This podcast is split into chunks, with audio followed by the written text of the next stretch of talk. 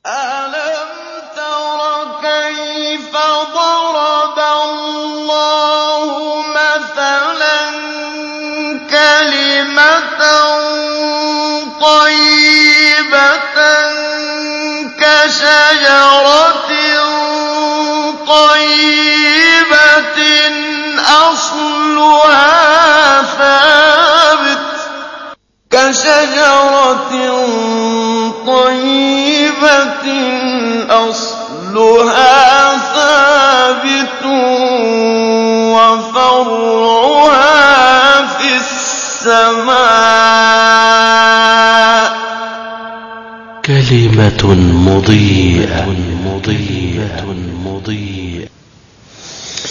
السلام عليكم ورحمة الله. الحمد لله رب العالمين. والصلاة والسلام على سيدنا محمد وعلى آله وصحبه ومن دعا بدعوته إلى يوم الدين.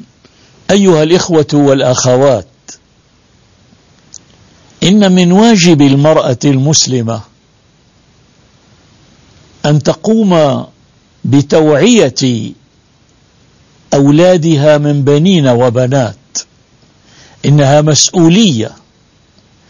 وهناك أمور قد لا ينتبه عليها كثير من الناس.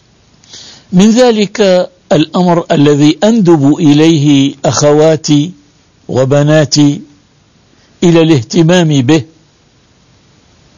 هذا الأمر هو أن نعرف أبناءنا وبناتنا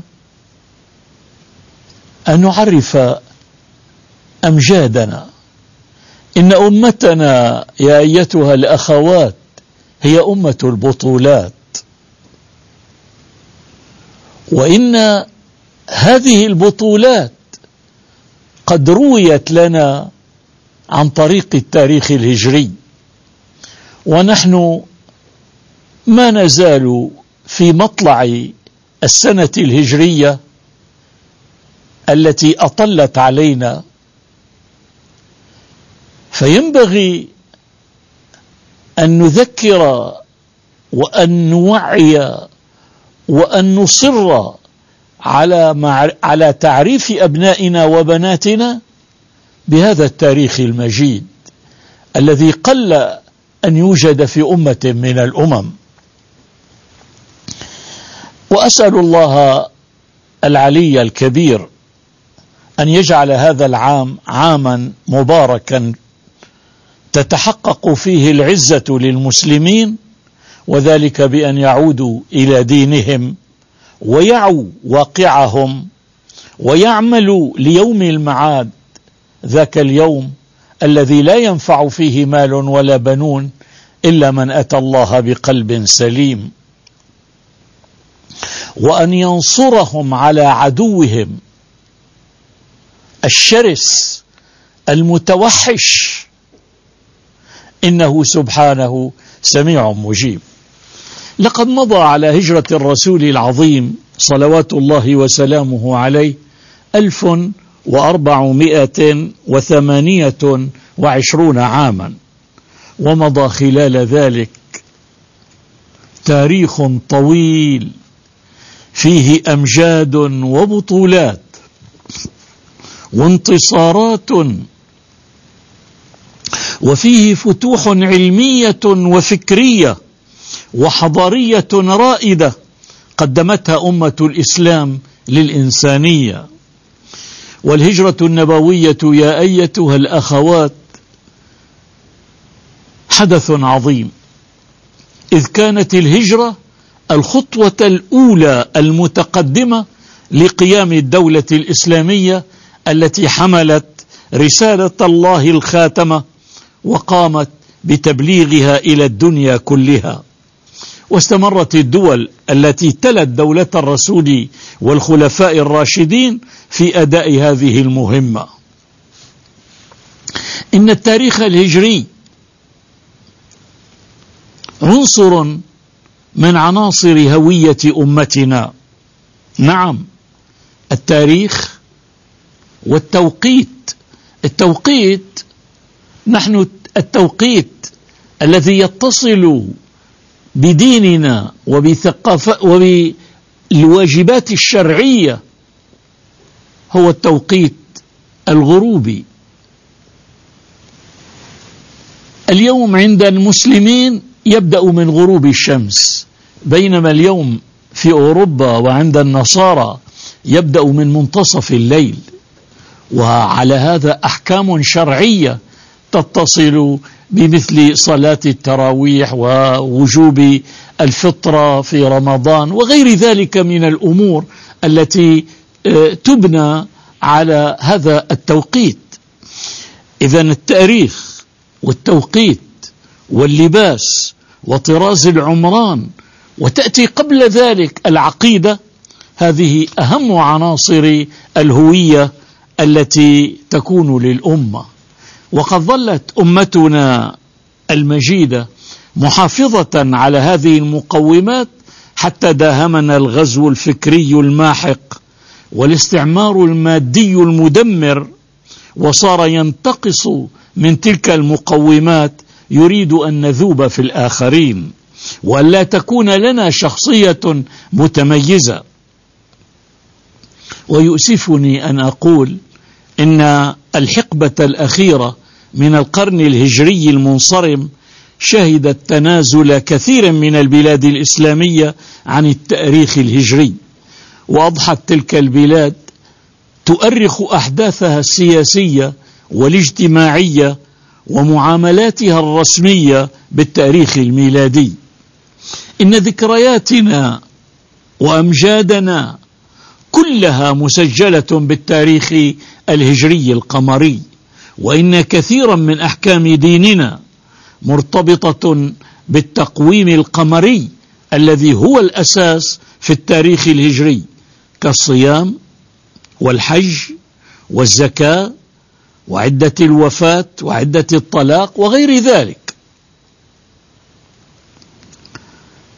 نقل السخاوي عن العماد الأصبهاني الشافعي قوله ليست أمة أو دولة إلا ولها تاريخ يرجعون إليه ويعولون عليه ينقله خلفها عن سلفها وحاضرها عن غابرها تقيد به شوارد الأيام وتنصب به معالم الأعلام ولولا ذلك لانقطعت الوصل وجهلت الدول وإن التاريخ بالهجرة نسخ كل تاريخ متقدم.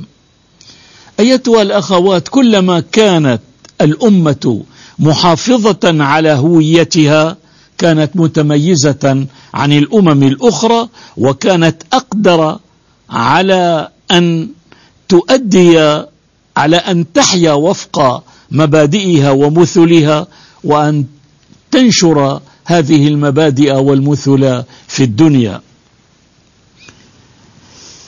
إن كثيرا من الناس في بعض بلاد المسلمين لا يعرفون تاريخنا الهجري إلا إذا حل رمضان أو جاء العيد.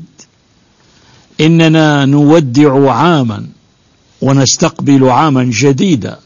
أتدرون أننا قد كبرنا سنة ومضت سنة من أعمارنا ودنونا من آجالنا التي كتب الله لنا أفلا يجدر, أفلا يجدر بنا أن نقف وقفة تأمل ومحاسبة؟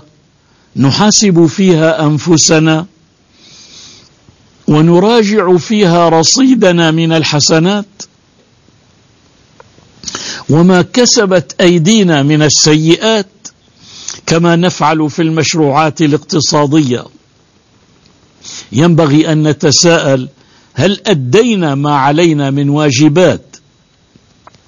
وهل اتصفنا بالصفات والمكارم التي يدعو إليها الإسلام؟ هل تخلينا عن كثير من النقائص والمخالفات الشرعية؟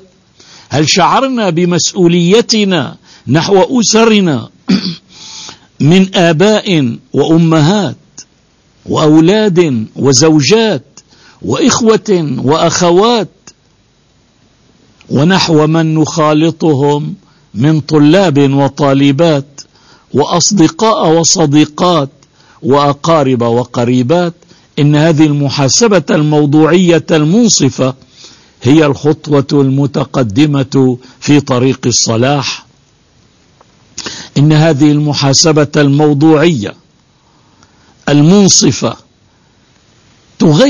تعمل على تغيير واقعنا الذي نريد أن نرتقي فيه إلى المستوى الذي أراده الإسلام لنا. فلنواجه أنفسنا بالحقيقة ولو كانت مرة. ولنعلم أننا الآن قادرون على تلافي ما مضى ويفيدنا النقد الذاتي لننطلق في طريق الإصلاح والتقويم. أما إذا بلغت الروح الحلقوم أو قام الناس لرب العالمين فلن تفيد التوبة ولن يتحقق رجاء العودة إلى الدنيا. يقول الله تبارك وتعالى ولا تحسبن الله غافلا عما يعمل الظالمون إنما يؤخرهم ليوم تشخص فيه الأبصار مهطعين مقنعي رؤوسهم لا يرتد إليهم طرفهم وأفئدتهم هواء وأنذر الناس يوم يأتيهم العذاب فيقول الذين ظلموا ربنا أخرنا إلى أجل قريب نجب دعوتك ونتبع الرسل أولم تكونوا أقسمتم من قبل ما لكم من زوال وسكنتم في مساكن الذين ظلموا أنفسهم وتبين لكم كيف فعلنا بهم وضربنا لكم الأمثال. إن الوقت يا أيها الإخوة ويا أيتها الأخوات هو رأس مال المسلم فاحذروا أن تضيعوه فتكونوا من المفلسين والوقت يمضي ولا يتوقف فإن لم تملأه بالخير أضعت شيئا ثمينا. إن سيدنا عمر بن الخطاب رضي الله تعالى عنه وأرضاه هذا العبقري الملهم هو الذي اقترح أن تكون حادثة الهجرة مبدأ لتاريخنا الهجري. لقد عرض في ذاك الوقت أن يؤرخوا بتاريخ الفرس أو بتاريخ الرومان أو أن يؤرخوا اعتبارا من مولد الرسول عليه الصلاة والسلام أو أن يؤرخوا من مبعثه أو أن يؤرخوا من وفاته لكنه رضوان الله عليه اختار أن يؤرخ. يؤرخ المسلمون تاريخهم بدءا من الهجرة لعظم شأن الهجرة وكان ذلك ووافقه الصحابة رضي الله تعالى عنهم.